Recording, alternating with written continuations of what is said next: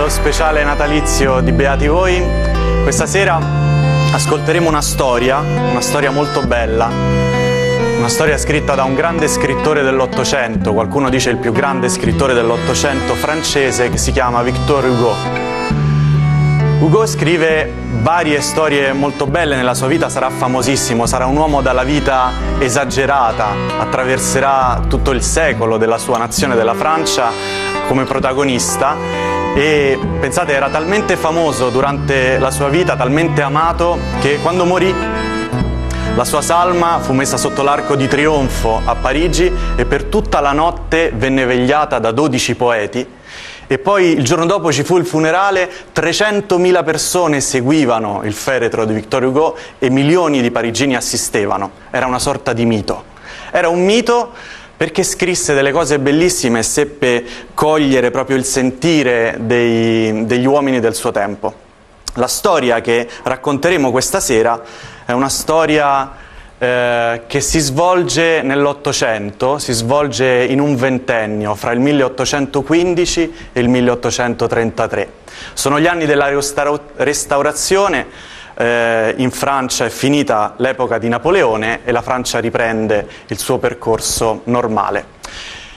Il protagonista di questa storia è un uomo che si chiama Jean Valjean, ma in, un, in, questo libro lunghissimo, che sono I Miserabili di Victor Hugo, ci sono anche tanti altri coprotagonisti. E eh, incontreremo quindi anche noi alcuni di questi personaggi, incontreremo un vescovo, incontreremo una prostituta, incontreremo eh, un giovinetto di belle speranze, dei ladri, insomma tutto un panorama che viene riassunto dalla parola del titolo. Sono tutti miserabili questi personaggi, hanno tutti una qualche miseria nel cuore. E quello forse più miserabile di tutti, almeno al principio della storia, è proprio Jean Valjean, il protagonista. Allora, seguiremo la sua vicenda, ovviamente I Miserabili è un libro molto grosso, quindi noi abbiamo fatto una selezione, seguiremo proprio solo i punti essenziali della vicenda umana di quest'uomo e vedremo che è una vicenda molto bella, in un certo senso è una storia natalizia perché è la storia della nascita e della rinascita varie volte nel corso del romanzo di quest'uomo, Jean Valjean. Allora cominciamo a conoscere i protagonisti. Jean Valjean era un sempliciotto, un contadino francese che viveva in condizioni di estrema povertà. Un giorno ruba un pezzo di pane, viene arrestato. Tenta di evadere tre volte e a causa di queste evasioni deve scontare vent'anni di lavori forzati. Entra in carcere un sempliciotto, peggiora sempre di più, diventa una bestia. Jean Valjean aveva una forza sovrumana, era in grado di scalare a mani nude il muro di una prigione.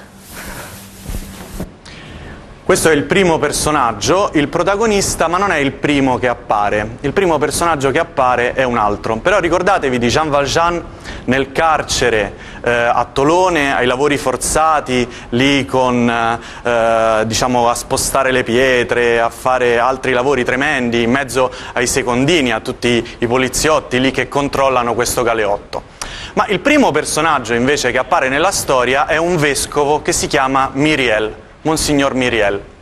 Questo personaggio è eh, per Victor Hugo il prototipo dell'uomo cristiano, è un uomo veramente buono, uno che ha provato a vivere il Vangelo fino in fondo e che è una persona più di atti che di discorsi è uno che ha dato tutti i suoi beni per il Vangelo, si è tenuto nella sua estrema povertà e semplicità di vita, si è tenuto solo una coppia di candelieri d'argento che tiene in bella mostra in casa sua e delle posate d'argento. Per il resto è un uomo povero e santo, uno che fa del bene, che aiuta i miserabili, che va a trovare i peccatori, insomma è proprio per Ugo il prototipo dell'incarnazione del Vangelo. Vive a Digne, è vescovo di questa cittadina di Digne ed è famoso per la sua ospitalità. Un giorno la vita di eh, Jean Valjean e la vita di Miriel, del vescovo Miriel, si incontrano.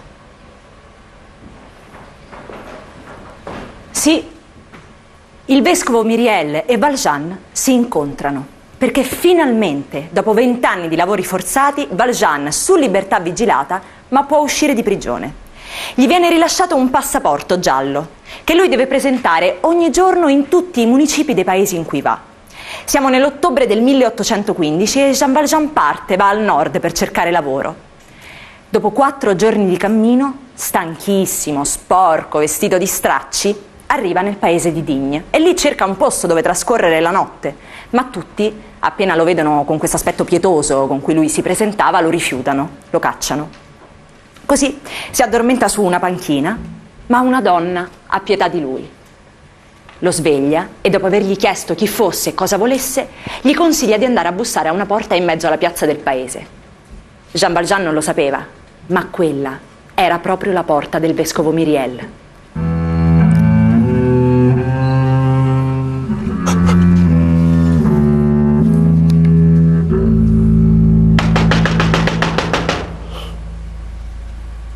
Avanti! disse il vescovo. La porta si aprì, un uomo entrò, fece un passo e si fermò. Lo zaino in spalla, in mano il bastone, la gamba strascicante. Negli occhi un'espressione torva, cupa, violenta, spossata. Ecco, eh, mi, mi chiamo Jean Valjean, sono un forzato, ho passato 19 anni in prigione. Mi hanno liberato da quattro giorni, non faccio che camminare, ho fatto 19 leghe a piedi oggi. Arrivato in questo, in questo paese mi hanno scacciato tutti, poi mi hanno detto di bussare a questa porta, ho bussato. Ecco. Che posto è questo?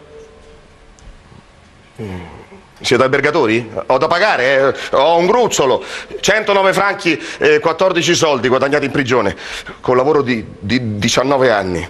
Pagherò, che mi importa? Ho fame, sono stanchissimo.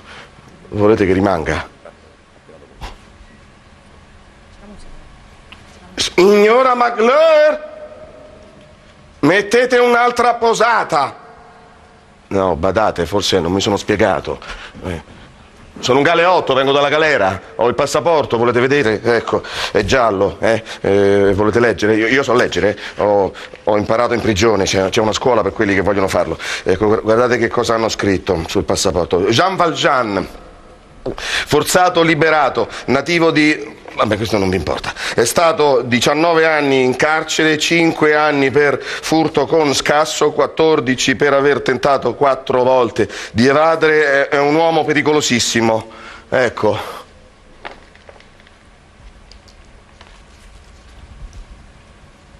Signora Magler, cambiate le lenzuola al letto dell'alcova.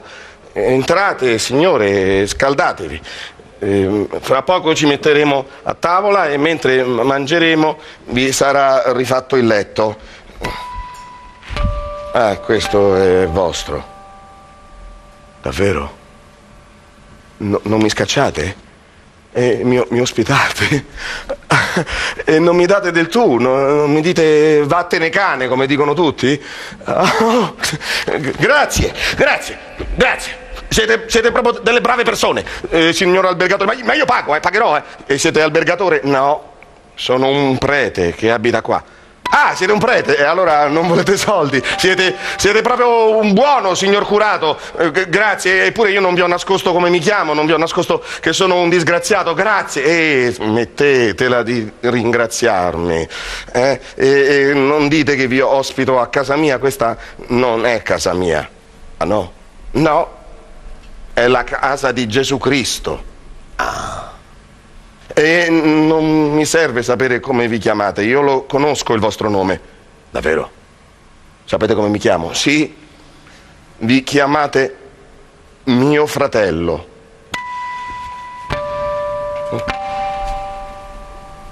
Intanto la signora Magler aveva apparecchiato la tavola.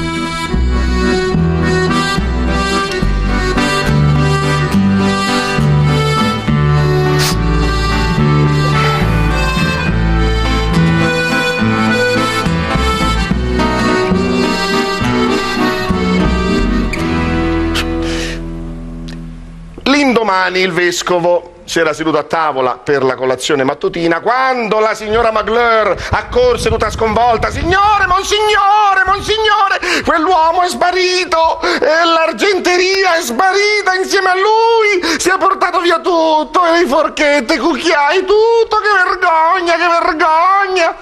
Il vescovo rimase un po' silenzioso poi disse prima di tutto eh, era nostra quell'argenteria? Eh, monsignore, sì, signora Magleur, per troppo tempo e a torto io mi ero conservato quell'argenteria. Essa appartiene ai poveri. Ora, ora, chi era quell'uomo? Evidentemente un povero. Oh mio Gesù!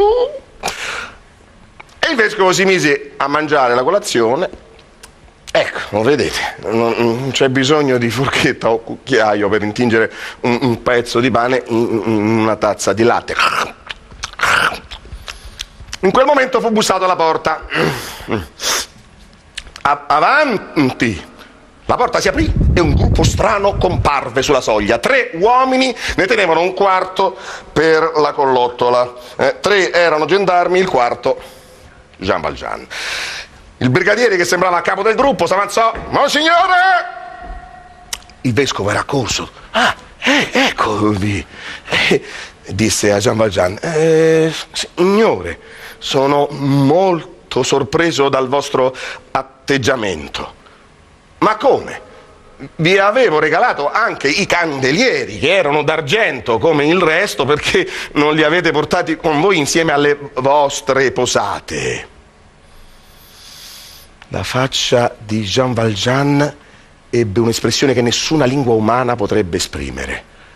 Allora, se sarebbe vero quello che dice quest'uomo, monsignore, l'abbiamo fermato mentre andava come uno che ha molta fretta, l'abbiamo fermato per vedere, aveva questa argenteria e vi avrà detto che l'ha avuta da un vecchio prete, voi l'avete eh, portato qui, no, è un equivoco. Se le cose stanno così possiamo lasciarla andare? Ma certamente. I gendarmi lasciarono andare Jean Valjean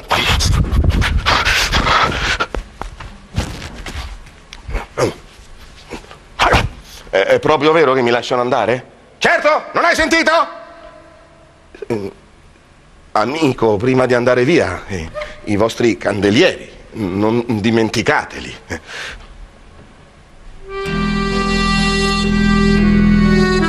Andò verso la tavola, prese i due candelieri e li portò a Jean Valjean, che li prese macchinalmente.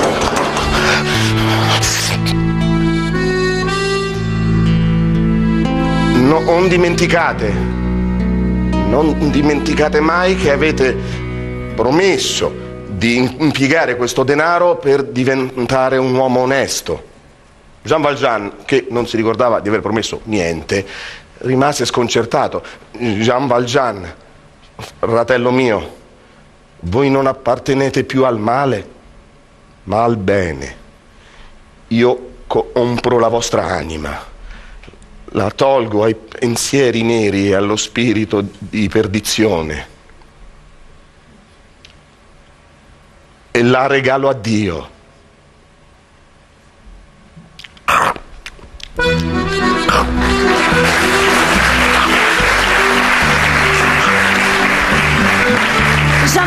Uscì dalla città come se fuggisse e si diede a camminare frettoloso per i campi, prendendo i primi sentieri che gli capitavano davanti. Girovagò in tal modo tutto il giorno, digiuno e senza fame. Era in preda a una moltitudine di sensazioni nuove, sentiva in sé una specie di collera, pur non sapendo contro chi.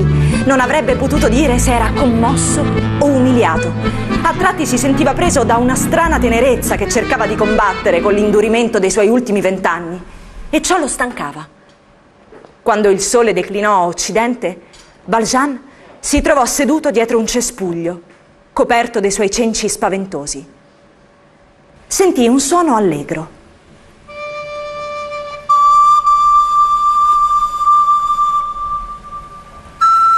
Volse il capo e vide venire dal sentiero un piccolo savoiardo di circa 12 anni che cantava.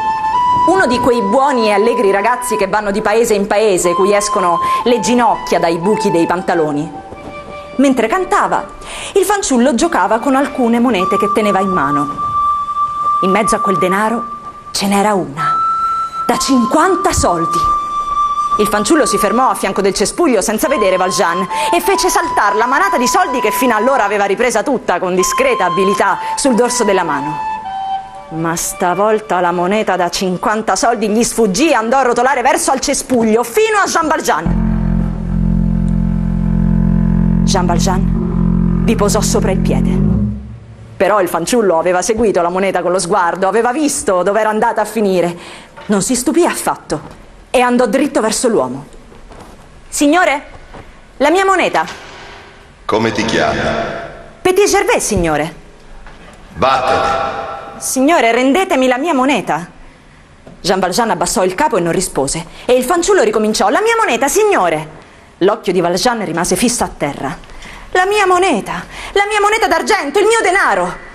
Il ragazzo lo prese per il bavero del camiciotto e lo scosse mentre faceva grandi sforzi per smuovere la grossa scarpa ferrata che s'appoggiava sul suo tesoro. Voglio la mia moneta! La mia moneta da 50 soldi, signore! Rendetemi i miei 50 soldi! Per piacere, alzate questo piede, per piacere! Ah, sei ancora tu? Vuoi andartene o no? Il ragazzo lo guardò spaventato. Poi cominciò a tremare da capo a piedi e si diede a fuggire, correndo con tutte le sue forze senza osare gettare un grido e voltarsi indietro.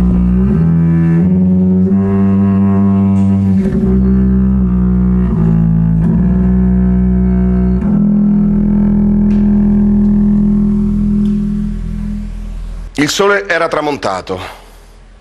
L'ombra cadeva intorno a Jean Valjean. Da quando il fanciullo era sparito, egli era rimasto immobile, senza mutare atteggiamento. Ad un tratto trasalì, cominciava a sentire il freddo della sera. Allora si calcò il berretto sulla fronte, si abbottonò macchinalmente il camiciotto, fece un passo e si chinò a raccogliere il bastone. In quel momento vide la moneta da 40 soldi che il suo piede aveva quasi sepolta nel terreno. Che cos'è? Guardò intorno, puntando lo sguardo verso tutti i punti dell'orizzonte, ma non vide nulla, stava scendendo la notte. Allora si mise a camminare nella direzione in cui era scomparso il fanciullo. Si fermò, guardò, non vide nulla e, e gridò: Petit Gervais! Petit Gervais! Tacque e stette in attesa. Eh, Nulla rispondeva, certo. Se il fanciullo eh, eh, avesse sentito avrebbe avuto paura, sarebbe scappato, ma si- sicuramente il fanciullo era già molto lontano. Allora Valjean cominciò a correre nella direzione di prima. Arrivato in un punto dove si incrociavano tre sentieri, si fermò, guardò, non c'era nulla. Allora gridò di nuovo: Petit Gervais! Petit Gervais! Petit Gervais! Il grido si spense nella nebbia, senza risvegliare neppure un eco. Petit Gervais e fu il suo ultimo sforzo. Poi le ginocchia gli si piegarono, come sotto il peso della sua coscienza cattiva, e cadde spossato su una pietra.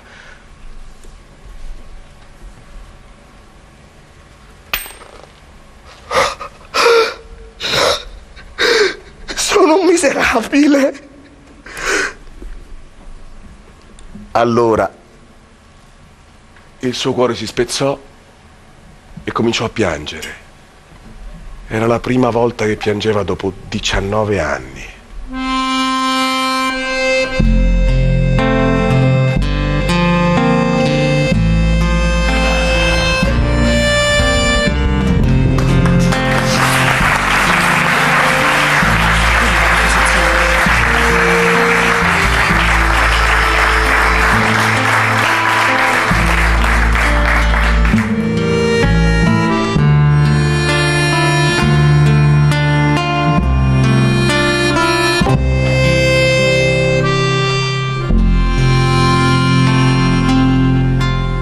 Jean Valjean piange, erano eh, vent'anni che non piangeva. Questo pianto è una cosa molto importante perché vuol dire che dentro di lui qualcosa è cambiato, che è cominciato qualcosa di nuovo in lui, che si è spezzato qualcosa dentro. Si è spezzato qualcosa dentro e si è spezzato quando ha incontrato il vescovo Miriel. Perché Jean Valjean piange? Perché si rende conto del male che c'è dentro di lui. Ancora forse non se ne rende conto pienamente, però è la prima volta che lo intuisce, infatti dice sono un miserabile, sono un miserabile. Che cos'è che l'ha fatto risvegliare, che gli ha fatto vedere questo male? Proprio l'incontro col vescovo Miriel. Miriel lo ha accolto in casa, lui che era una persona eh, spregevole che tutti rifiutavano col passaporto giallo del, del Galeotto, che quindi nessuno voleva accogliere, il vescovo lo ha accolto e non solo lo ha accolto, lo ha trattato come un suo pari, lo ha trattato come un fratello lo ha fatto sedere alla sua tavola, ha fatto, eh, lo ha fatto mangiare con le sue posate d'argento, gli ha dato un letto per dormire, lo ha accolto con amore. Ecco, questo essere stato amato, che per Jean Valjean era un'esperienza nuova, completamente nuova, questo qui gli cambia un po' il cuore. Ma ancora di più, Jean Valjean nella notte deruba questo vescovo, lo deruba delle posate d'argento e scappa e quando viene riportato di forza dal vescovo dalla polizia, il vescovo lo perdona. Non solo gli regala le posate d'argento, ma gli dà anche i candelieri, cioè lo accoglie nel, nel male che Jean Valjean gli ha fatto. Allora, questo perdono del vescovo, la frase del vescovo che gli dice Jean Valjean, con questo argento io compro la tua anima, tu non appartieni più al male, tu ora appartieni al bene. Ecco, questa frase gli cambia il cuore, ma non glielo cambia subito. Avete visto? Lui esce e continua a fare quello che sa fare, ruba.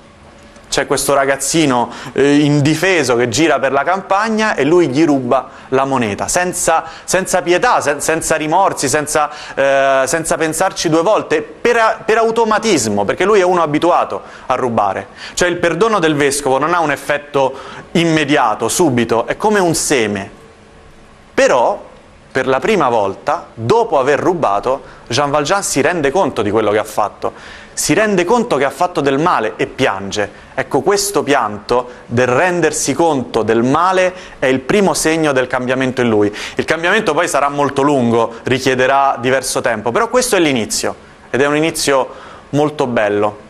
Jean Valjean serberà sempre memoria di questo fatto, terrà sempre con sé eh, i candelieri del vescovo e terrà sempre con sé anche la moneta di Petit Gervais, perché non troverà mai più Petit Gervais, anche se in quel momento qualcosa in lui è cambiato, ha capito che non può più vivere come prima, non può più essere un ladro, uno che, che pensa solo a se stesso, ciò non di meno non riuscirà mai a restituire quella moneta a Petit Gervais.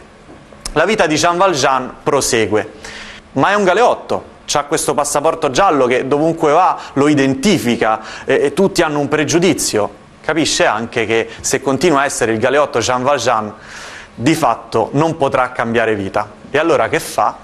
Decide di stracciare il suo passaporto e si, si mette a, a girare per la Francia. Un giorno capita in un paese che si chiama Montreuil in questo paese arriva nel momento in cui c'è un grande incendio, è andato a fuoco il comune di Montreuil con tutto l'archivio e da dentro l'edificio in fiamme si sentono le grida di due bambini che sono rimasti dentro. Jean Valjean non ha niente da perdere, è un uomo forte, è un uomo in gamba, si butta dentro l'edificio, riesce a acchiappare questi bambini e li porta fuori in mezzo alle fiamme. È un eroe. Tutto il paese di Montreuil che sta là vede quest'uomo che esce con i bambini dal, dal, palazzo in fiamme e lo acclama come il salvatore, come l'eroe. Nessuno ovviamente si mette a chiedergli scusa come ti chiami, da dove vieni, così. È l'eroe, ha salvato i figli e guarda caso i figli erano proprio i figli del capo della polizia di Montreuil. E quindi Così, un po' per questa vicenda provvidenziale, lui si ritrova in questo paese ben voluto perché ha fatto un ingresso trionfale e piano piano si mette a lavorare in una fabbrica del paese e dopo un po' gli viene un'idea geniale per cui riesce a fare lo stesso prodotto della fabbrica del paese in un modo più economico e più efficiente. Grazie a questa sua idea che lui fa brevettare, la fabbrica comincia a vendere, a crescere come dimensione, lui con il brevetto si arricchisce, tanto che a un certo punto riesce a rilevare la fabbrica e ne diventa il padrone. Quindi pensate, un ex galeotto partito da, da, operaio che è diventato il padrone di una fabbrica in questo paese. E non solo, vi dicevo, un uomo nuovo, è un uomo che ha deciso di essere un uomo buono. E quindi la gente se ne accorge, lui fa elemosine, eh, è generoso, non pensa a se stesso, cerca il bene comune. E allora le persone cominciano a dirgli, senti ma perché non, perché non amministri anche la città, oltre che la tua fabbrica? Perché non fai il sindaco? Lui non vuole, ma alla fine cede alle richieste di questa popolazione e diventa il sindaco di Montreuil. Come si chiama adesso? Non è più Jean Valjean, sono ormai anni che non si fa più chiamare Jean Valjean. Un giorno dei bambini, dato che lui era appunto sempre buono, eh, dava loro sempre dei dolci e delle monete, lo chiamano Papa Madeleine, ma così, un po' per scherzare, Papa Madeleine. Lui non dice niente, del resto era un tipo che parlava poco e tutti cominciano a pensare che lui veramente si chiami Madeleine e diventa il signor Madeleine, il famoso sindaco di Montreuil. È bello questo nome, Madeleine, perché fa riferimento a Maria Maddalena. Maria Maddalena nel Vangelo è, per antonomasia, la donna peccatrice perdonata. Allora è bello perché vuol dire che la sua nuova identità è quella di un uomo perdonato, un uomo appunto che è come Maria Maddalena e che fa una vita nuova perché è stato perdonato. Dobbiamo però introdurre altri personaggi. Allora, il primo personaggio è una ragazza parigina che si chiama Fantine. Fantine è una donna e vive a Parigi. È una ragazza madre, è stata abbandonata dal suo fidanzato e in seguito a questo decide di lasciare Parigi assieme a sua figlia Cosette. Dato che sa che come ragazza madre, quindi immorale, non troverà mai lavoro, decide di lasciare Cosette da qualche parte. Passando per un paese, vede due bambine che giocano davanti a una locanda, si informa, scopre che sono le figlie dei locandieri Ternadier e istintivamente si fida di loro e decide di lasciare Cosette dai Thenardier. Successivamente va a cercare lavoro e trova lavoro proprio nella fabbrica di Madeleine a Montreuil, ma anche lì dopo poco viene scoperto che ha una figlia e quindi per immoralità cacciata. Nel frattempo i Thenardier, che in realtà sono infidi, ladri, approfittatori, le chiedono sempre più soldi per il mantenimento di Cosette. E Fantine, pur di trovare questi soldi, si vende tutto. I mobili, i vestiti, i capelli, i denti, arriva a vendere se stessa e a prostituirsi. E poi, a causa del freddo e delle privazioni, si ammala. Presentiamo ora un altro personaggio, un personaggio di nome Javert. Questo Javert è un uh, ispettore di polizia che arriva anche lui a Montreuil come appunto incaricato della polizia di quel paese. Chi era costui? Figlio di un ladro e di una prostituta, quindi di non nobili origini, un uomo però che fin da bambino, siccome era figlio di un ladro e di una prostituta, ha detestato l'immoralità ha detestato il male e ha deciso che invece la sua vita doveva essere il contrario, doveva essere l'affermazione del bene. Ha sviluppato un carattere rigido, legalista, eh, preciso nel compiere il suo dovere e eh, diciamo appassionato, un, uh, uno sfegatato tifoso della legge e del diritto. Questo personaggio, Javert, arriva un giorno a Montreuil come, eh, come ispettore di polizia, un uomo che ha fatto del servizio alla legge la sua ragione di vita.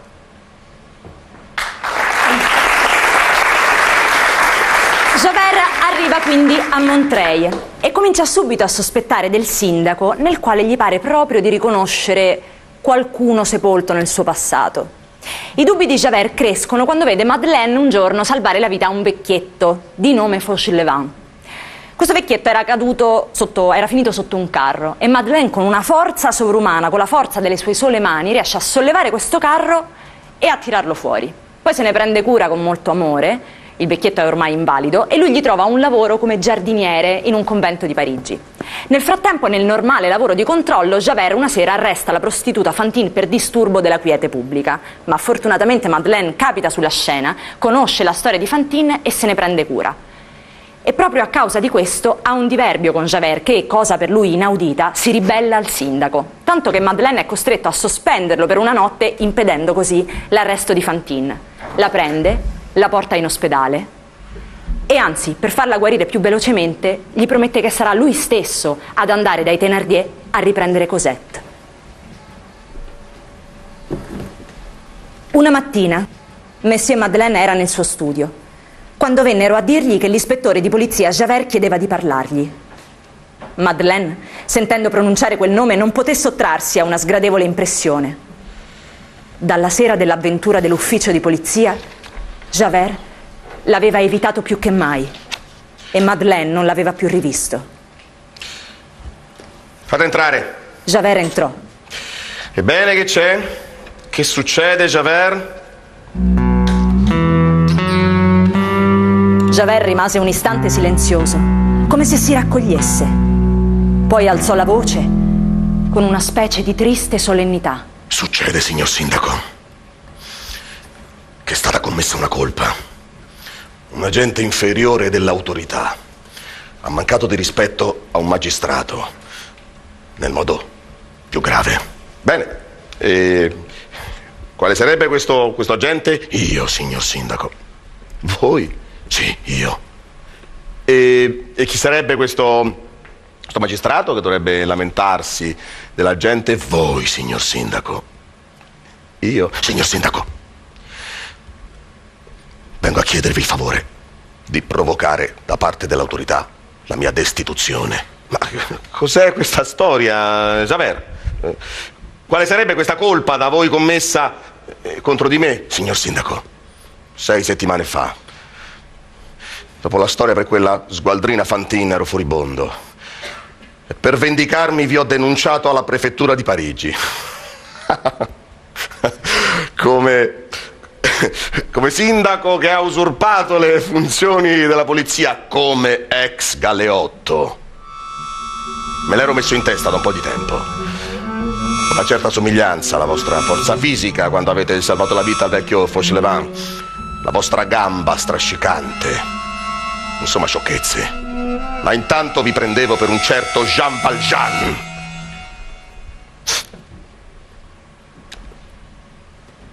Eh, che nome avete detto? Eh, che nome? Jean Valjean. Prego, prego.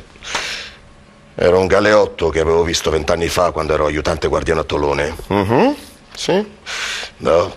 Da otto anni lo cercavano, mi ero immaginato, insomma, per farla breve, ho fatto questa cosa. Mm? Sì, sì, sì. La collera mi ha fatto decidere, vi ho denunciato alla prefettura. Bene, bene. E, e loro che cosa avevano detto? Che ero pazzo. Ebbene, ebbene, avevano ragione.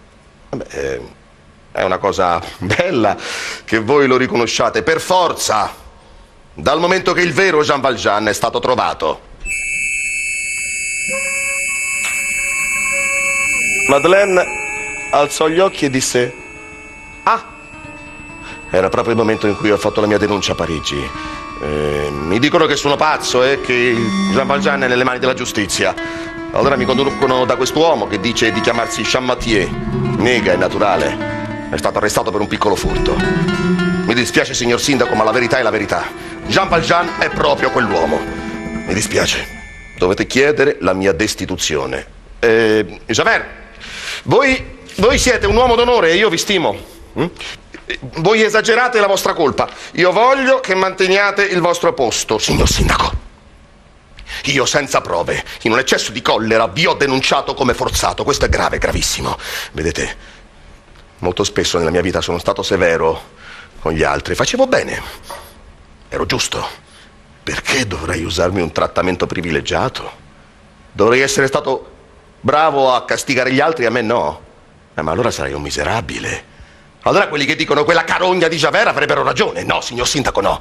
Io non voglio che voi mi trattiate con bontà. È facile essere buoni, difficile essere giusti. Quando Maltrattavo i furfanti, mi dicevo spesso, attento a te, Javert. Se manchi, ci penso io a fartela pagare. Ebbene, ho mancato. Tanto peggio per me. Ho le braccia, lavorerò la terra.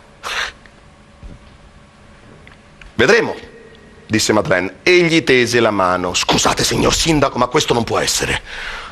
Un sindaco non dà la mano a una spia.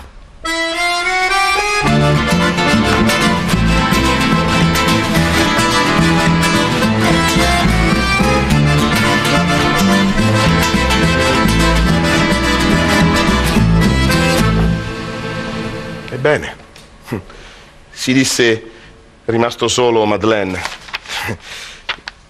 perché mi do tanto pensiero? Di che mi preoccupo? Eh, eccomi infine salvo. E per sempre. C'era una porta in cui socchiusa, che è stata chiusa definitivamente. Bene. E, e, e questo è avvenuto senza di me. È stata la provvidenza a fare tutto. È evidente che essa vuole che le cose vadano così.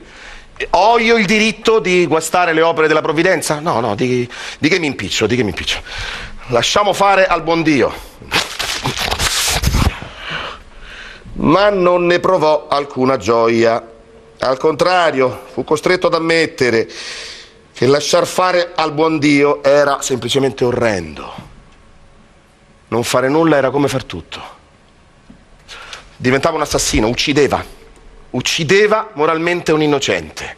E invece consegnarsi, eh, riprendere il proprio nome, ridiventare per dovere il galeotto Jean Valjean significava davvero compiere la sua resurrezione. Non poteva entrare nella santità, al cospetto di Dio, se non rientrando nell'infamia, al cospetto degli uomini. Ebbene, facciamo il nostro dovere. Salviamo quell'uomo. Poi d'improvviso penso a Fantine. Ma guarda, è quella povera donna. No, ma io fino adesso ho pensato solo a me a me mi, mi, convenga tacere o denunciarmi, salvare la mia anima o salvare la... Ma, ma, ma, ma, questo, ma sono pur sempre io, questo, Dio mio, è egoismo. Eh, se pensassi un po' agli altri. Allora, vediamo, vediamo, consideriamo. Allora, se mi denuncio, mi prendono, mi mettono in prigione, sta bene. Poi? Poi che succederà qui? No, qui, qui c'è, c'è una città, c'è una fabbrica, operai, eh, eh, uomini, donne, vecchi nonni, bambini, fanciulli, prima di me non c'era niente. Io, io ho risollevato, ho, ho, ravvivato tutta la contrada, via io, se ne va tutto, via io, muore tutto, ecco quello che succede se io mi denuncio. E se non mi denuncio? Allora quell'uomo viene arrestato, sta bene. Eh, ma ha rubato, diavolo. Eh, eh, perché a me sarà piaciuto fare il grande, generoso e questo alla fin fine è melodramma. E, avrò pensato soltanto a me e per salvare da una punizione forse un po' esagerata ma in fondo giusta. Non si sa chi, un, un ladro? un furfante, bisogna che tutta la, la, città perisca. No, no, no. Ricominciò a camminare furiosamente per, per, la stanza, ma questa volta però gli parve d'essere contento. Sì, sì, sì, sì, sì, è, è così, è così. Io ho, ho, trovato la soluzione. È nell'interesse di tutti, non nel mio. Io, io resto Madeleine. Sì, sono Madeleine e resto tanto peggio per chi è Jean Valjean. Io non lo sono più. Poi d'improvviso si guardò in uno specchietto collocato in cima a un camino Guarda, guarda, ci sono dei fili che mi collegano ancora a Jean Valjean, bisogna distruggerli. Qui in questa stanza ci sono degli oggetti che potrebbero accusarmi. Devono sparire, devono sparire. Si frugò in tasca, ne tolse una chiavetta, la introdusse in una serratura della quale si scorgeva a stento il buco, nascosto nelle tinte più scure del disegno della tappezzeria. E un nascondiglio s'aprì. Era una specie di finto armadio nel quale v'erano soltanto pochi cenci. Un camiciotto di tela turchina, un vecchio paio di calzoni, un vecchio zaino e un grosso bastone di pruno. Egli li aveva conservati insieme ai candelieri per ricordarsi sempre da dove era partito. Solo aveva nascosto i cenci che venivano dal carcere e aveva messo in bella mostra i candelieri che venivano dal vescovo. Prese tutto, cenci, bastone, zaino e li gettò sul fuoco. Di lì a poco un gran bagliore rosso e tremolante invase tutta la stanza. Tutto bruciava, ma, ma Valjean non guardava, non guardava, non guardava il fuoco. Lui continuava a camminare su e giù per la stanza, sempre. Poi d'un tratto lo sguardo gli cadde sui candelieri. Guarda, guarda. Jean Valjean è ancora tutto qua. È ancora tutto qua. Bisogna distruggere anche questi. Stava per buttare i candelieri nel fuoco quando sentì una voce dentro di sé che gridava. Jean Valjean! Jean Valjean! Sì? Bene. Finiscila. Distruggi questi candelieri.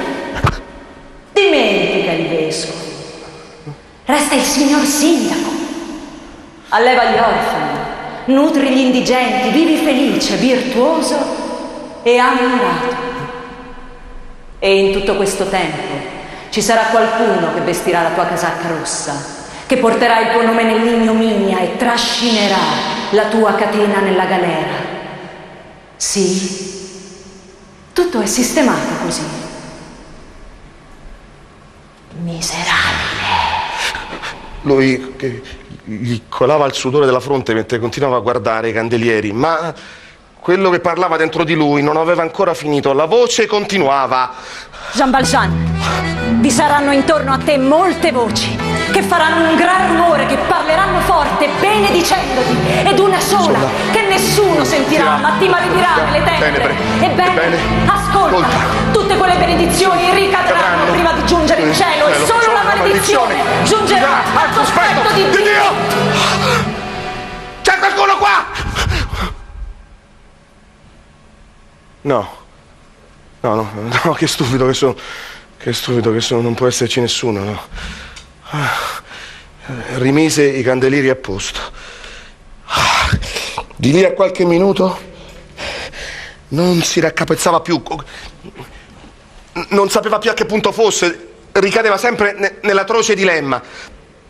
Restare nel paradiso e diventare diavolo o tornare nell'inferno e divenirvi angelo. Che fare? Che fare? Che fare, gran Dio? Lui, lui sapeva solo che sia a destra che a sinistra qualcosa di sé doveva morire e, e- e entrava in un'agonia, quella della sua virtù o quella della sua felicità. Così andava dibattendosi quell'anima tra i tormenti, 1800 anni prima di quel disgraziato. L'essere misterioso in cui si riassumono tutti i dolori e tutte le santità del mondo, anche lui, mentre il vento faceva fremere gli olivi, aveva allontanato per un attimo con la mano quel calice orrendo che gli si presentava, grondante di tenebre, nelle profondità piene di stelle.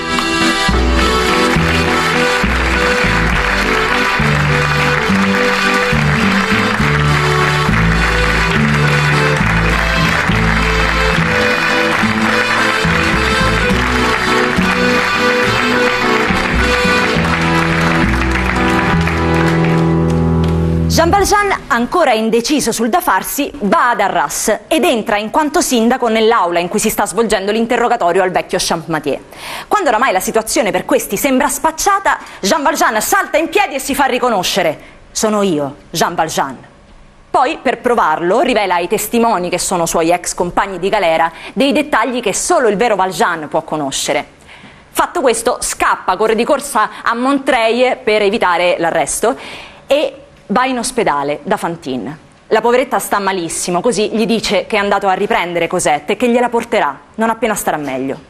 Nel frattempo viene data, data notizia all'ispettore Javert che il suo sindaco è in realtà il pericoloso ex galeotto Jean Valjean. Javert è contentissimo e va anche lui a Montreuil per arrestare Valjean. Lo trova in ospedale da Fantine.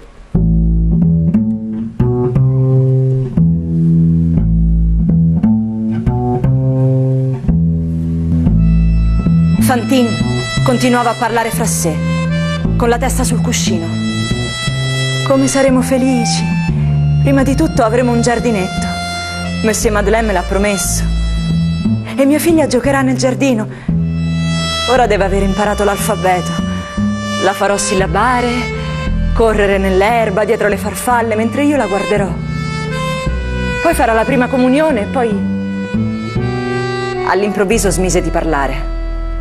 Messie Madeleine macchinalmente alzò la testa. Fantine era diventata spaventosa. Non parlava più, non respirava più. Mio Dio! Egli esclamò: Che avete, Fantine? Lei non rispose. Poi gli toccò il braccio con una mano e con l'altra gli fece segno di guardare dietro a sé. Lui si voltò e vide Javert. Quando lo sguardo di Madeleine incontrò quello di Javert, questi divenne spaventoso. Perché nessun sentimento umano riesce a essere così spaventoso come la gioia. Era il volto di un demonio che aveva ritrovato il suo dannato.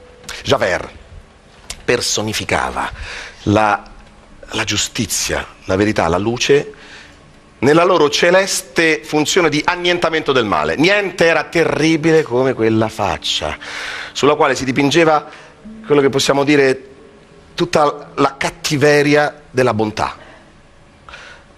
Fantine non aveva più rivisto Javert dal giorno in cui il sindaco l'aveva salvata da quell'uomo, il suo cervello annebbiato non si rese conto di nulla, solo ebbe la certezza che Javert fosse venuto a prenderla. Allora disse tutta, tutta piena di orrore, Monsieur Madeleine, salvatemi. Jean Valjean, non lo chiameremo più in nessun altro modo adesso, si era alzato. State tranquilla, non viene per voi. So quello che volete.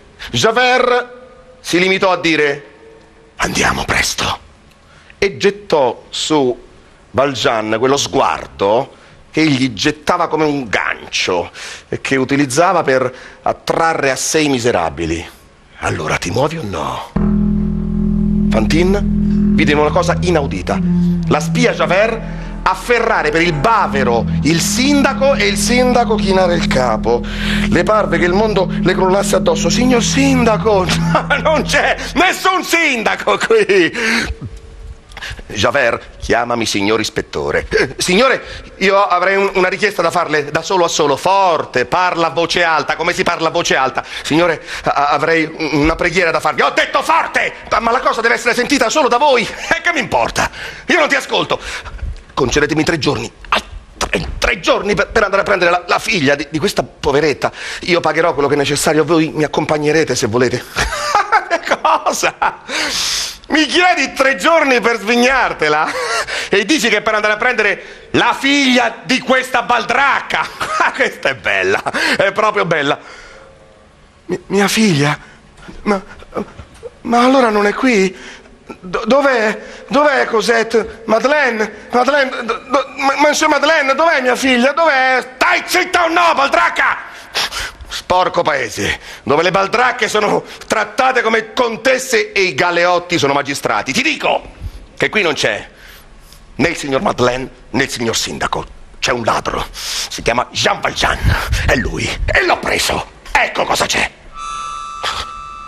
Fantine si rizzò sulla sedia, guardò Valjean, guardò Javert, aprì la bocca come per dire qualcosa, ma un, un rantolo le uscì dal profondo della gola, stese le braccia annaspando come, come uno che anneghi, poi ricadde sul cuscino, la testa le sbatté sulla spalliera e le ricadde sul petto. Era morta.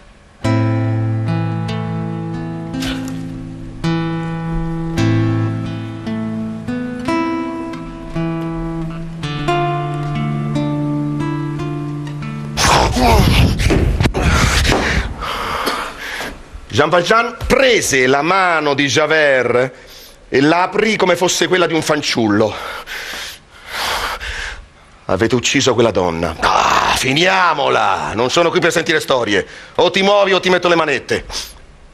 Valjean guardò Javert. C'era in fondo alla stanza un letto piuttosto malmesso Valjean si precipitò su quel letto, smontò la spalliera, prese una sbarra, la puntò verso Javert, Javert fece un passo indietro.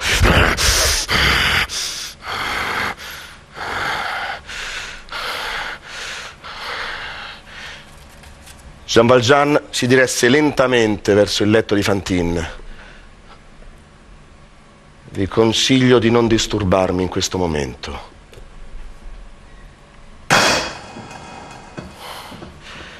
Rimase per un istante a contemplare il corpo di Fantini immobile e disteso. Poi si chinò verso di lei e le parlò a bassa voce.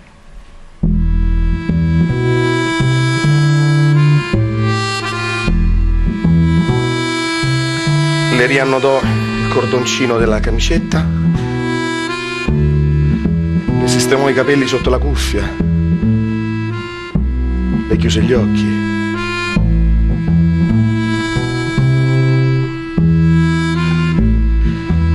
Una mano di Fantine pendeva dal letto.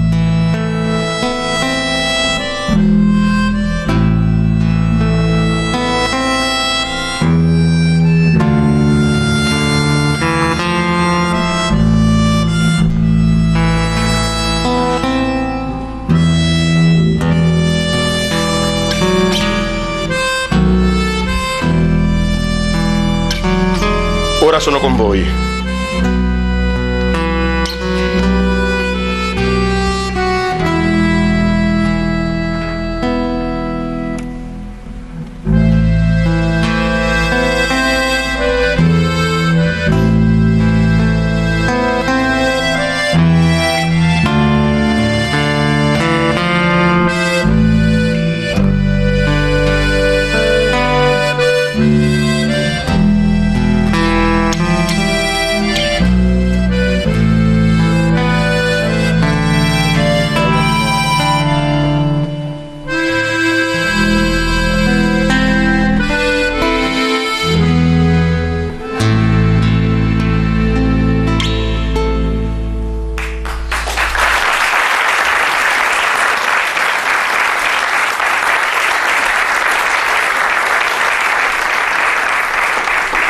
Jean Valjean ha vissuto una crisi di coscienza enorme, gigantesca.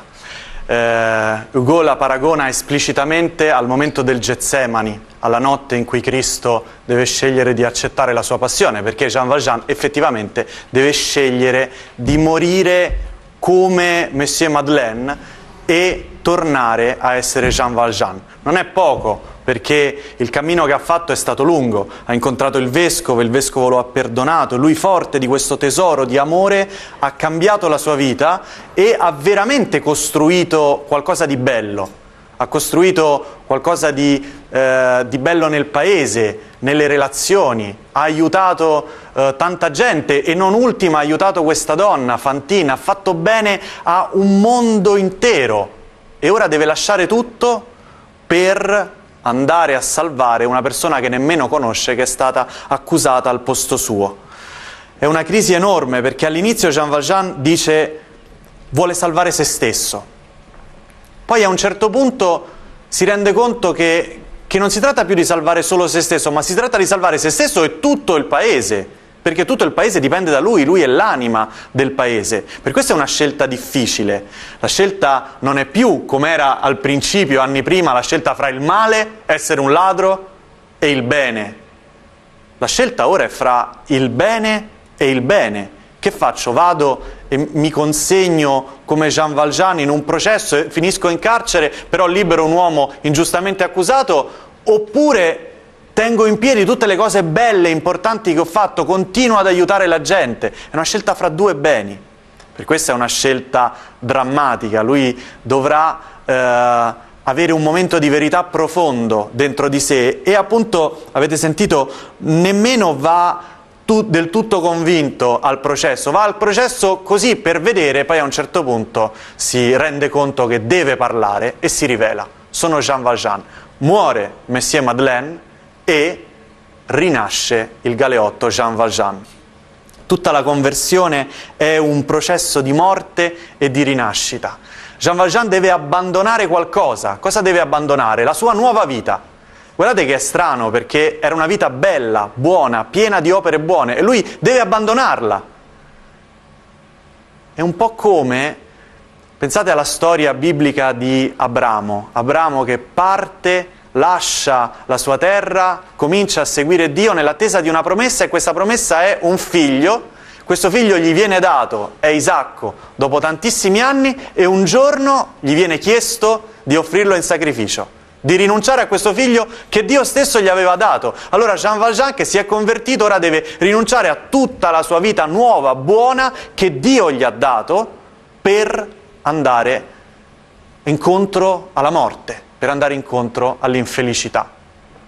È una scena veramente grandiosa questa in cui si trova e la provvidenza ancora una volta lo aiuta. Che cosa, che cosa farà Jean Valjean? Lo abbiamo sentito, viene eh, preso eh, da Javert e viene arrestato un'altra volta. Come continuerà la storia di Jean Valjean? Vedremo. Thank you.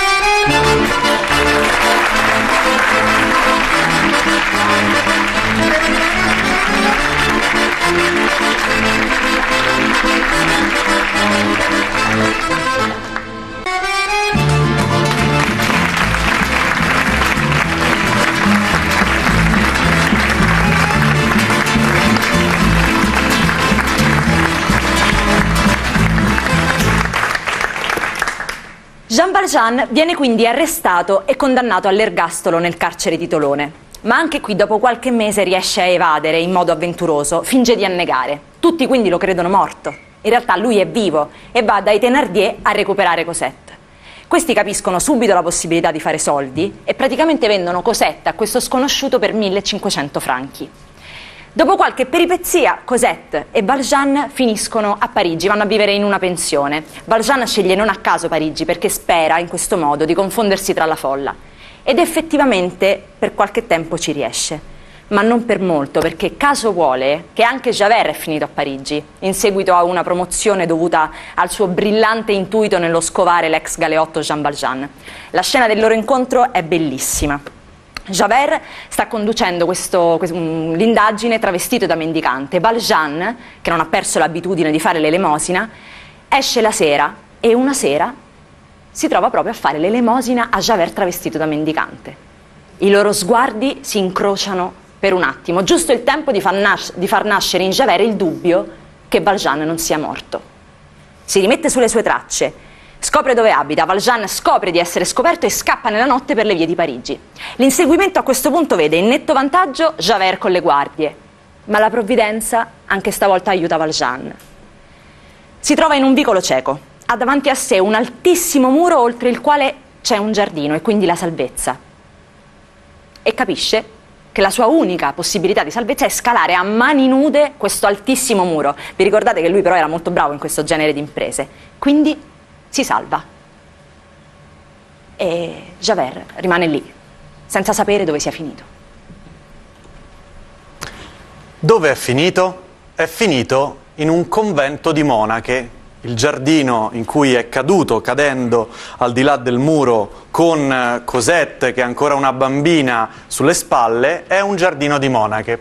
Guarda caso, è proprio quel convento di monache in cui lui aveva tempo prima mandato come giardiniere quell'uomo, Fauchelevent, che lui aveva aiutato perché era finito sotto il carretto. Jean Valjean lo aveva, era sindaco, lo aveva salvato dal carretto e non solo lo aveva poi aiutato, gli aveva trovato un posto a Parigi come giardiniere in un convento. Proprio in quel convento, casualmente, senza saperlo, finisce la provvidenza che sembra metterlo ogni volta nei problemi più grandi a rischio della vita, poi ogni volta in qualche modo lo tira fuori dai guai, in modo appunto inaspettato.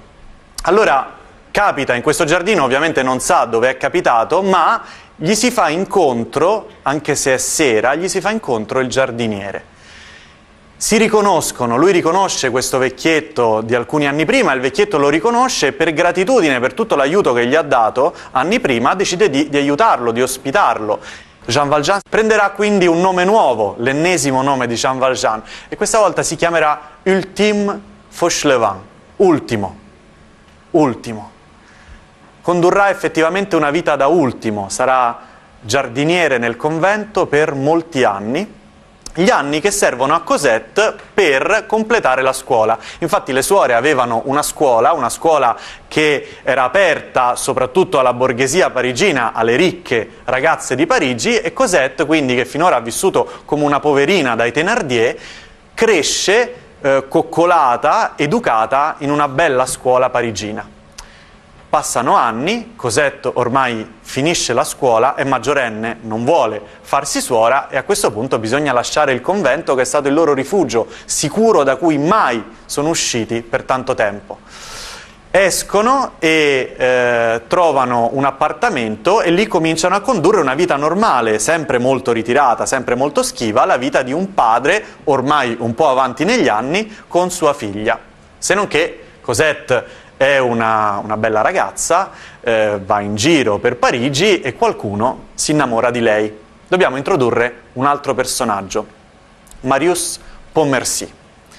Questo Marius era un giovane di nobile famiglia ma orfano, tanti personaggi dei Miserabili sono orfani, di nobile famiglia ma orfano che cresce con uno zio generale. Questo ragazzetto colto, educato, ricco, ha però idee repubblicane. Sono anni di forti movimenti eh, sociali, c'è uno scontro fra la monarchia e, e diciamo, il, il, popolo, parte del popolo che vuole la Repubblica. Questo Marius è uno di quelli più sfegatati nel sostenere la Repubblica, partecipa a tutte le riunioni di cospirazione dei gruppi, appunto dei facinorosi, cerca di provocare rivolte, ma un giorno anche si innamora di Cosette. La incontra ai giardini di Lussemburgo, se ne innamora e cominciano una relazione segreta.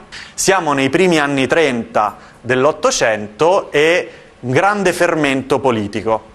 Marius partecipa attivamente, come vi ho detto, e a un certo punto muore un famoso personaggio pubblico e si scatena una vera e propria rivoluzione il popolo fa le barricate e l'esercito assale questo, il popolo barricato eh, in un quartiere di Parigi. Marius è in prima linea, con Cosette ormai si, si vedono così di straforo, di nascosto ogni tanto per quello che è possibile, ma un giorno Jean Valjean scopre questa relazione, scopre questa relazione segreta fra Cosette e Marius e impazzisce, impazzisce completamente, gli crolla il mondo gli crolla il mondo perché Cosette gli ha nascosto questa cosa e Cosette ormai capisce che, che, sta crescendo, che gli sta sfuggendo dalle mani, ma lui è stato per Cosette tutto, lui è stato un padre, eh, quasi un marito, è stato il suo tutore, è qualsiasi cosa per lei e non sopporta che lei abbia occhi per un altro, è geloso, è un amore possessivo, dovrebbe lasciarla libera, ma non ce la fa non ce la fa a lasciare libera, ha una, una, grossa crisi di coscienza, ancora una volta si trova davanti a una scelta, dovrebbe lasciare Cosette libera di fare la sua vita, liberarla dalla, dal suo bene, liberarla dalla sua assistenza, lasciarla andare per la sua strada, volerle bene da lontano, non ce la fa. E decide di uccidere Marius. Se non che sono i giorni delle barricate a Parigi, magari Marius muore anche da solo perché lo ammazzano quelli dell'esercito, non c'è bisogno proprio che lo ammazzi io. Quindi Jean Valjean decide di eh, andare a, a partecipare alla rivolta per controllare che Marius muoia. Arriva alle barricate, Marius è lì con l'esercito davanti, stanno per attaccare e si mette a dare una mano per come può, a dare una mano ai rivoltosi e ha nel cuore questo desiderio di vedere morto l'uomo che sta con la sua figlia adottiva. Ma ancora una volta la provvidenza, che tante volte già lo ha aiutato, gli viene incontro e lo fa rientrare in se stesso. Nel frattempo, l'ispettore Javert, che oramai ha perso da molti anni le tracce di Valjean, si dedica a combattere i rivoluzionari e dato il momento decide di intrufolarsi tra di loro in modo anonimo. Ma questi lo scoprono, lo arrestano e lo portano prigioniero proprio nel luogo dove arriva Valjean per controllare che Marius muoia. Quindi la sorte, il destino mette nuovamente uno di fronte all'altro questi due uomini, ma stavolta a parti invertite, perché Javert è prigioniero e Valjean è libero. Dato l'imminente attacco dell'esercito, i rivoluzionari si chiedono che senso abbia tenersi un rappresentante dell'ordine costituito tra loro e decidono di uccidere Javert. Ma visto che sono tutti impegnati nelle barricate danno questo incarico proprio a Jean Valjean. Pensate, ha finalmente dopo anni per le mani il suo aguzzino. E Valjean che fa? Lo prende, lo porta fuori dalla stanza dove si trovava, fino a un vicolo, lontano dagli occhi degli altri.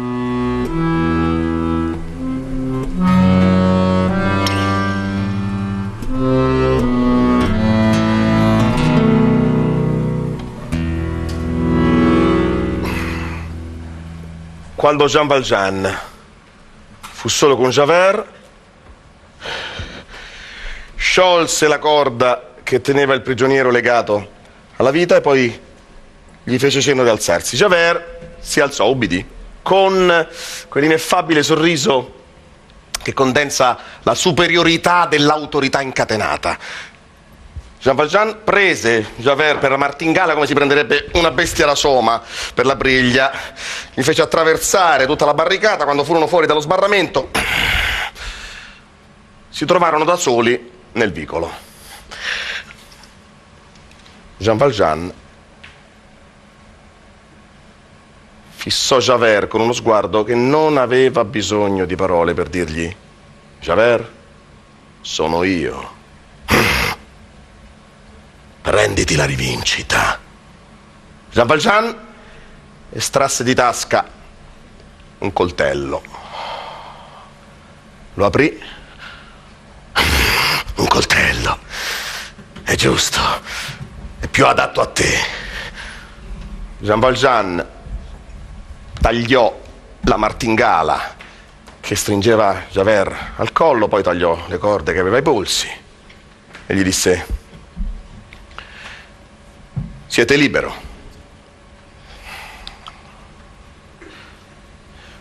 Non credo che uscirò vivo di qui. Nel caso ci riuscissi. Io abito a via dell'Omarmé, numero 7. Javert aggrottò le sopracciglia come una tigre. Sta in guardia. Andatevene. Hai detto via dell'Omarmé numero 7, numero 7. Si riabbottonò il soprabito, diede un po' di rigidità militare al busto e si avviò verso i mercati. Fatti un paio di passi, si fermò. Voi mi seccate! Uccidetemi piuttosto! Non si rendeva conto che non dava più del tu a Jean Valjean. Andatevene. Javert si avviò a lenti passi quando fu scomparso, Jean Valjean estrasse la pistola e la scaricò in aria. Poi rientrò nella barricata e disse, è fatto.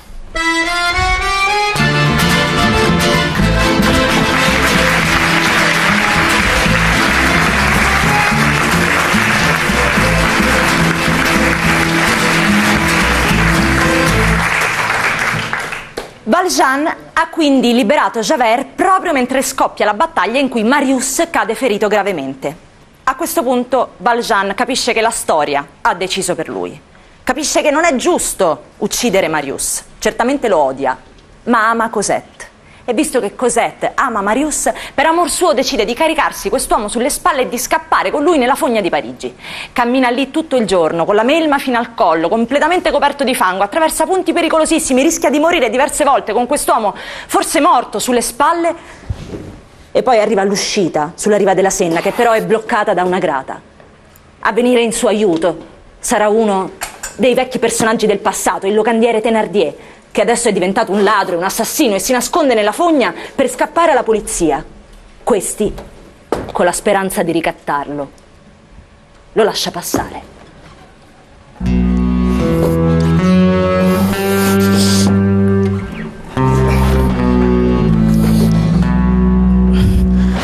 Jean Valjean fece scivolare Marius sulla riva. Erano fuori i miasmi, l'oscurità, l'orrore erano rimasti alle spalle e l'aria salubre, pura, lo inondava. Il silenzio era dappertutto. Era il crepuscolo e stava giungendo la sera. Valjean rimase un attimo vinto da quella serenità augusta e carezzevole. Poi ad un tratto sentì come un fastidio, come quando si ha qualcuno alle spalle senza vederlo. Si voltò e un uomo d'alta statura, con un impermeabile lungo, era ritto a pochi passi da lui. Jean Valjean riconobbe Javert. Javert non riconobbe Jean Valjean, tanto era coperto di melma il suo volto e si limitò a dire con voce calma e breve: Chi siete? Io. Chi voi? Jean Valjean. Javert posò sulle mani di Valjean, sulle sue spalle, le sue mani possenti, incastrandovele come due morse. Lo esaminò e lo riconobbe. I loro visi quasi si toccavano. Ispettore Javert, sono vostro prigioniero, prendetemi. Però concedetemi prima una cosa. Che fate qui? Chi è quest'uomo? Continuava a non dare del tu a Jean Valjean. Ispettore Javert, disponete di me come vi piace, ma prima aiutatemi a riportarlo a casa il viso di Javert si contrasse, come gli succedeva tutte le volte che qualcuno lo riteneva capace di una concessione. Estrasse di tasca un fazzoletto, lo bagnò e asciugò la fronte insanguinata di Marius. Quest'uomo era la barricata, era quello che chiamavano Marius. È morto? No, non ancora. Ma dunque l'avete portato dalla barricata fino a qui? Per le fogne. Abita al Marais, in via Fil du Calvaire. Cocchiere!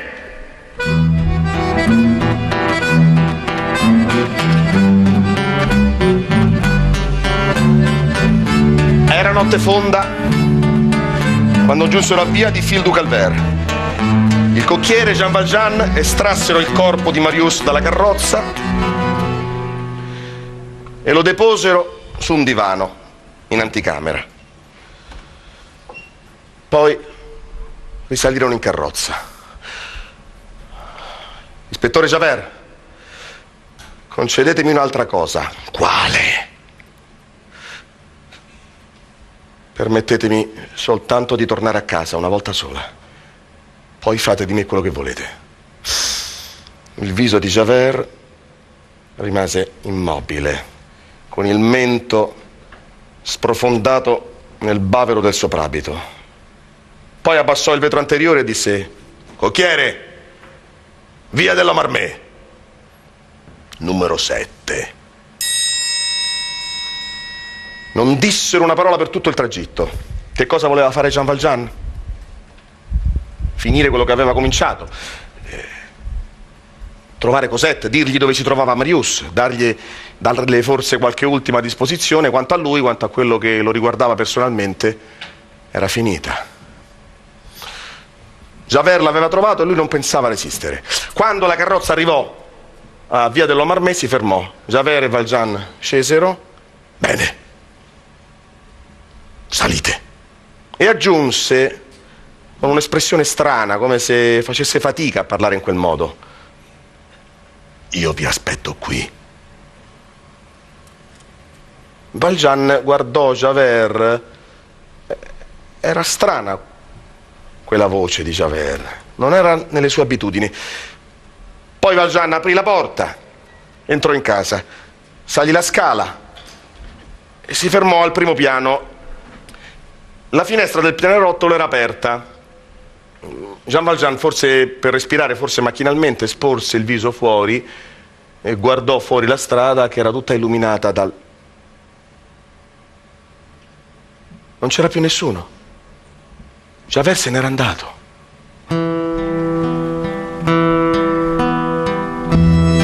Javert s'era allontanato a lenti passi dalla via dell'Homme Camminava a testa bassa, per la prima volta in vita sua. Si cacciò nelle vie silenziose, prese la via più breve verso la Senna e si fermò all'angolo del ponte di Notre Dame. Là la Senna forma una specie di lago quadrato attraversato da una rapida. Quel punto della Senna è temuto dai barcaioli. Nulla è più pericoloso di quella rapida. Coloro che cadono là dentro non ricompaiono. Ed i migliori nuotatori vi annegano.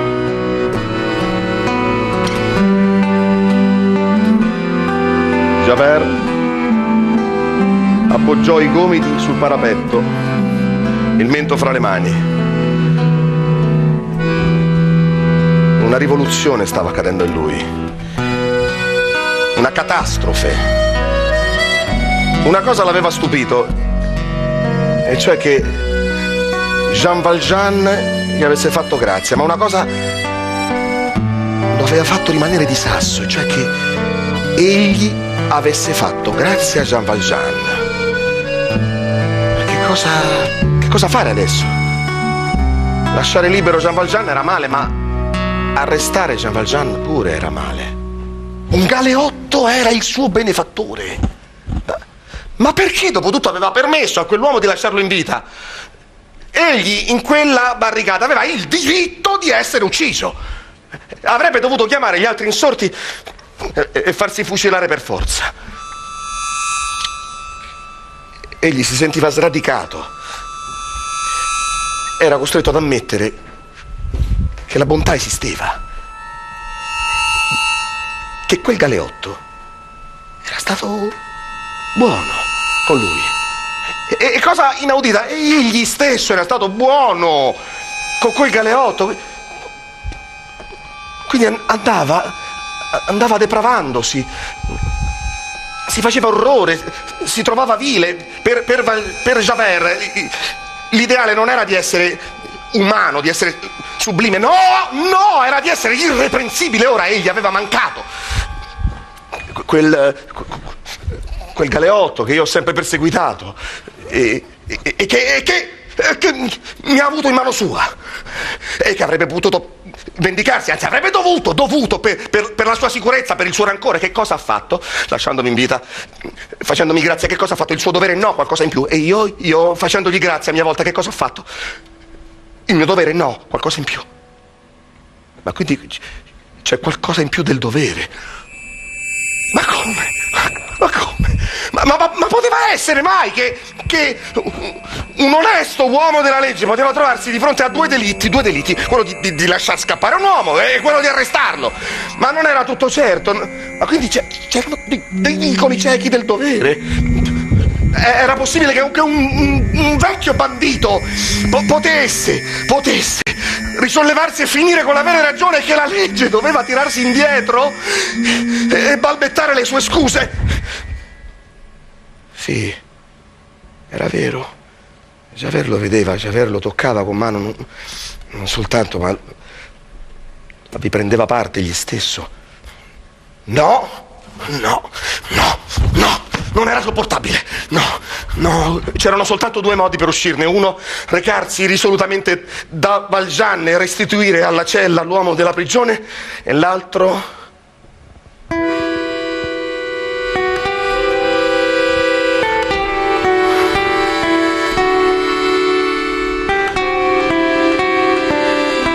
Javert si affacciò a guardare la Senna.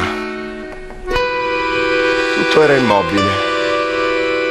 Si sentiva un odore di schiuma, ma non si vedeva il fiume. Pareva che laggiù si aprisse l'immensità. Non c'era acqua laggiù, no, l'immensità.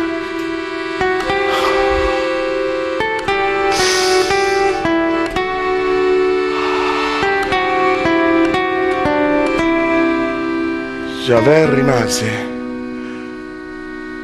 per alcuni momenti fermo a guardare quelle tenebre spalancate, con una fissità che pareva attenzione. Per un tratto si tolse il cappello e lo depose sull'orlo del lungosenna. Un attimo dopo una figura alta e scura apparve in piedi sul parapetto. Si drizzò verso la senna e poi cadde a picco nel buio.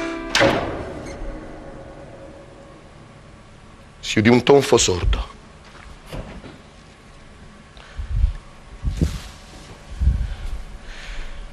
Solo l'ombra fu testimone di quelle segrete convulsioni, di quel corpo scuro scomparso nell'acqua.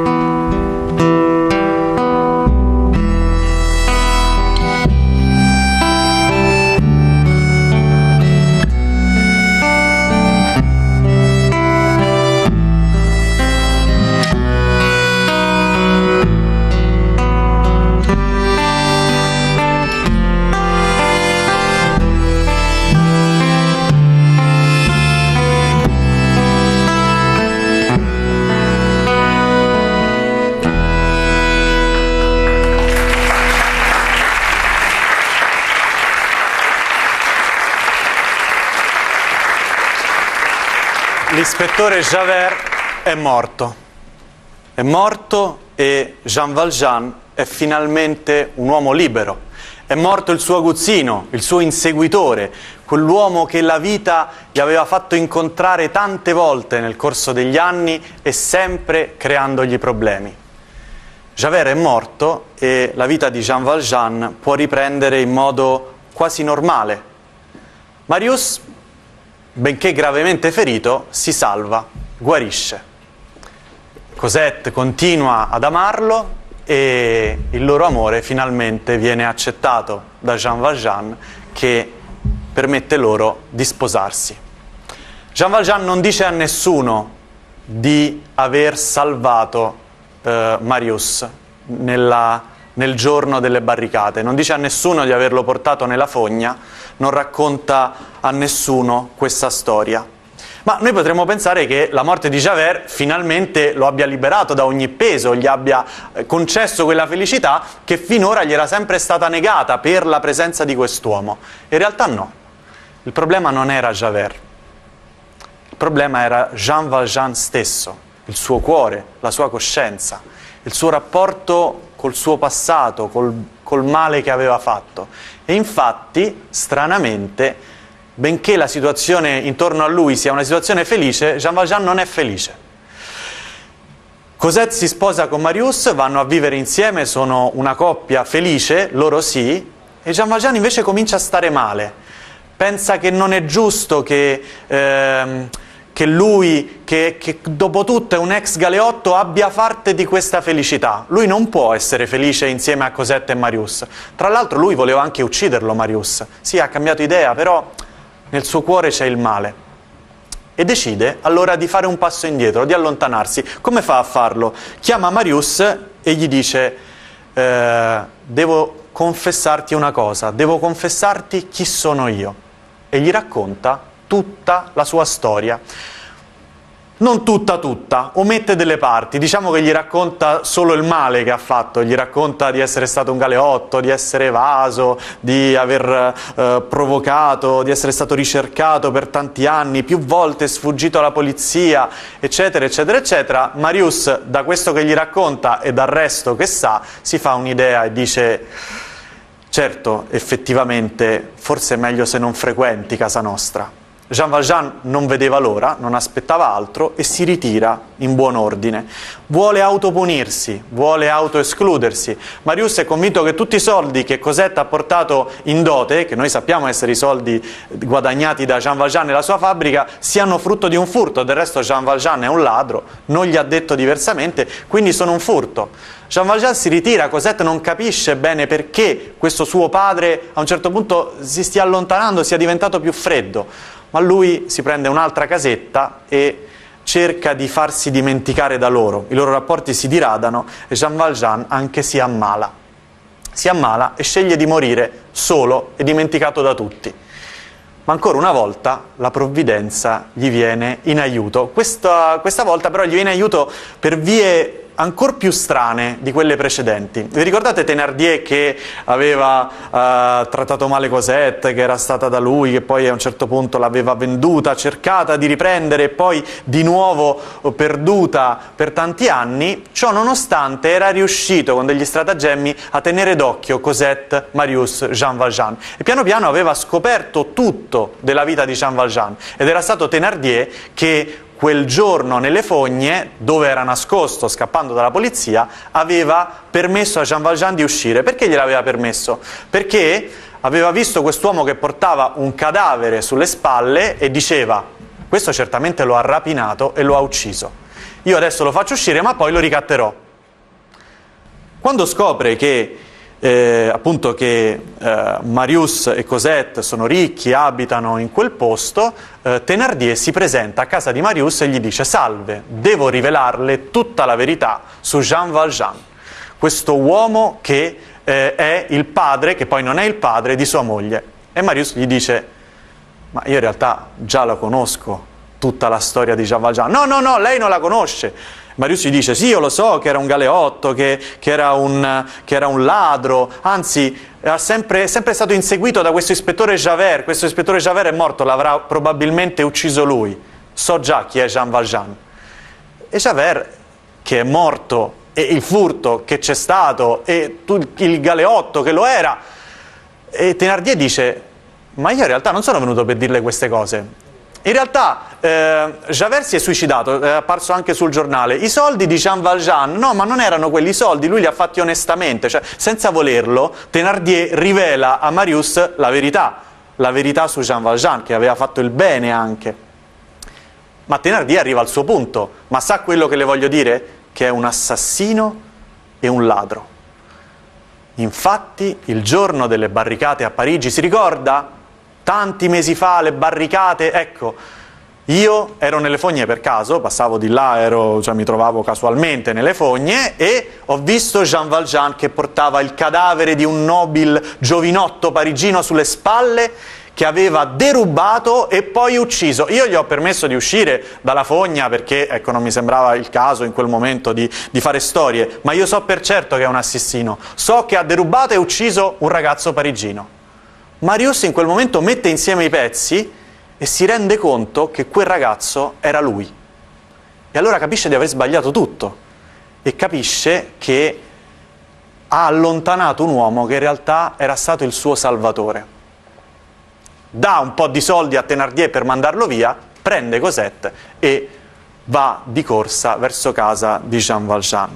Sapete, la provvidenza ancora una volta lo ha aiutato lo ha aiutato perché è così, è la provvidenza che ci guida nella vita. La provvidenza gli ha fatto incontrare il vescovo Miriel perché gli serviva di essere eh, amato, di essere accolto. La provvidenza eh, lo ha poi portato eh, a Montreuil quando c'era l'incendio. La provvidenza lo ha poi aiutato a scappare, a fuggire, lo ha portato nel, nel giardino. La provvidenza ha permesso che in un certo momento si liberasse di Javert.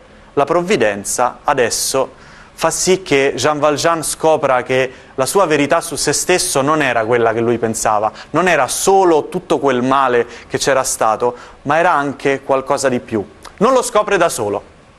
Tenete presente i due personaggi, Jean Valjean e Javert. Javert è l'uomo della legge che non ha accettato, come abbiamo ascoltato, non ha accettato di aver ricevuto del bene, di essere stato salvato da Jean Valjean e non ha accettato nemmeno quel bene che lui spontaneamente a un certo punto non ha saputo non fare.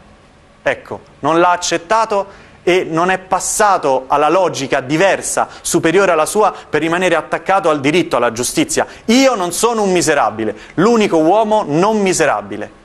L'unico uomo non miserabile è l'unico che si suicida nella storia. Tutti gli altri sono miserabili, fanno una fine più o meno bella, ma sanno di essere miserabili e lo accettano e accettano anche di essere amati. Ecco, Jean Valjean accetta per l'ultima volta di essere amato e deve scoprire che in realtà la cosa più importante della sua vita non è il male che ha fatto, la cosa più importante della sua vita è l'amore che ha ricevuto e l'amore che è riuscito a dare, nonostante la sua miseria.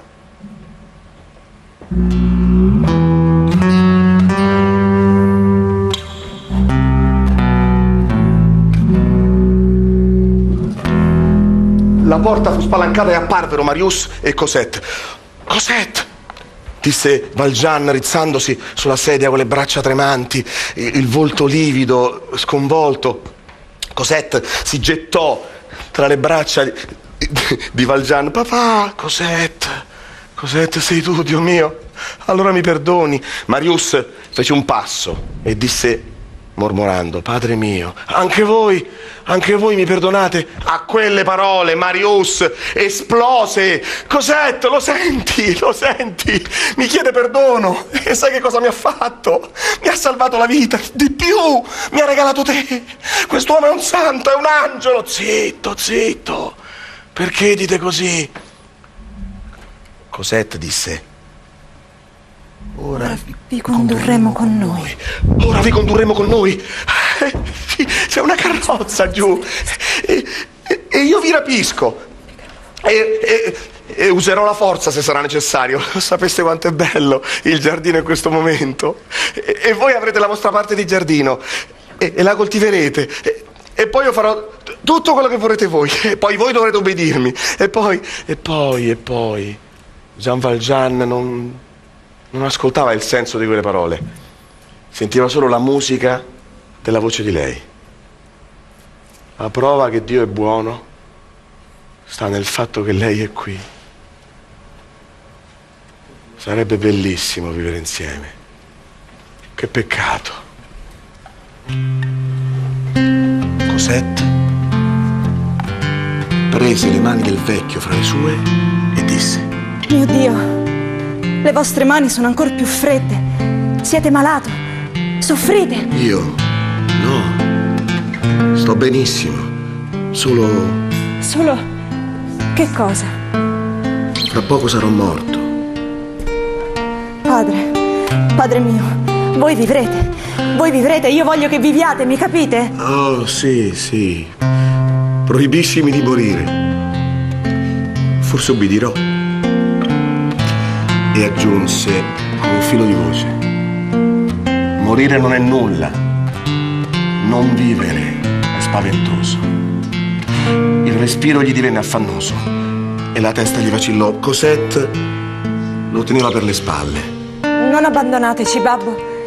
È possibile che vi ritroviamo solo per perdervi. Padre mio, disse Marius, volete un prete? Ne ho già uno.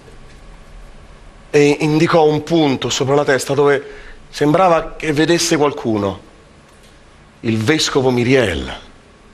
Era lui che assisteva a quell'agonia.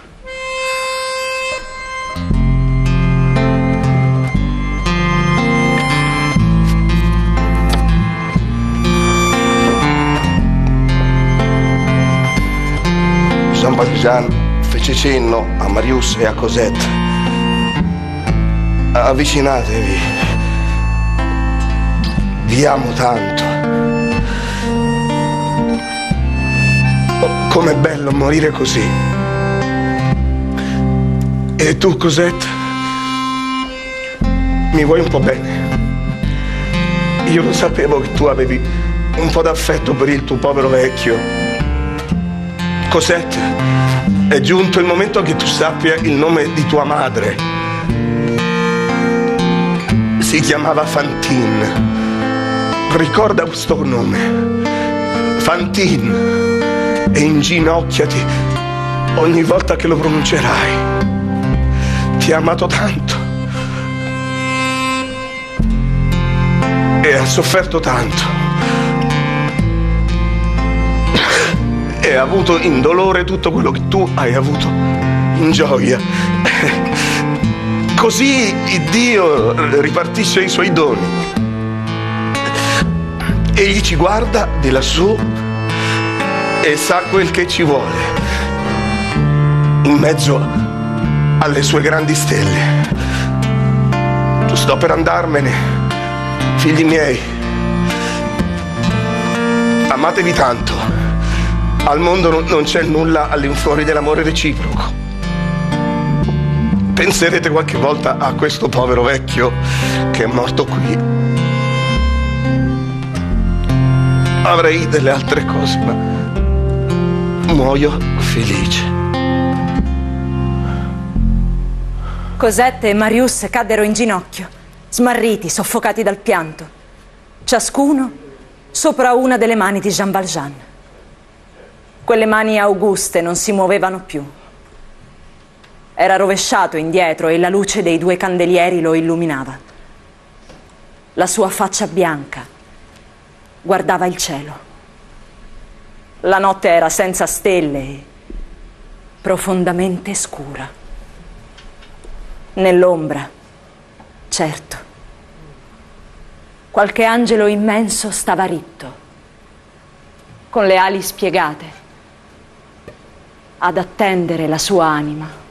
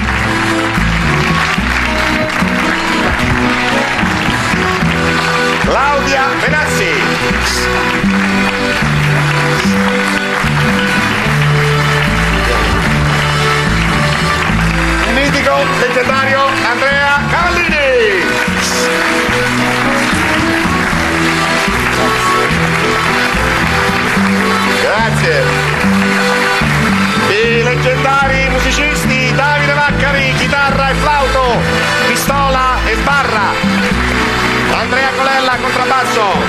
Desiree Fascelli, fisarmonica. Poi abbiamo la fantastica Stefania Casellato che ha fatto queste foto bellissime. La nostra regista Valentina De Renzis, direttore della fotografia Dario Giacani, Antonio Tonelli, il nostro autore e poi tutta la squadra tecnica eh, di Euroscena, la produzione Q2000, la produzione di Fremantle, grazie, grazie a tutti. Il pubblico, il pubblico in sala che ci sta, che sta Dai. La parrocchia di San Saturnino, il Caladesi Musical Lab, il Teatro 7 e, e il nostro fantastico direttore Paolo Ruffini. Grazie, che ci vuole bene. E, noi ci vogliamo tanto bene, ha delle cravatte stupende. Il 12 gennaio ci vediamo con tutti i santi, beati voi, ricomincia, beati voi, tutti i santi, racconteremo vita, morte e miracoli, in questo senso veramente dei santi, proprio. Eh? Eh, bene, ci vediamo, cominceremo con, non ve lo diciamo, o ve lo diciamo, lo diciamo, non ve lo diciamo, non ve lo diciamo, faremo Sette Santi. Ciao! Ciao, e ci sarà sempre Claudia. Ciao!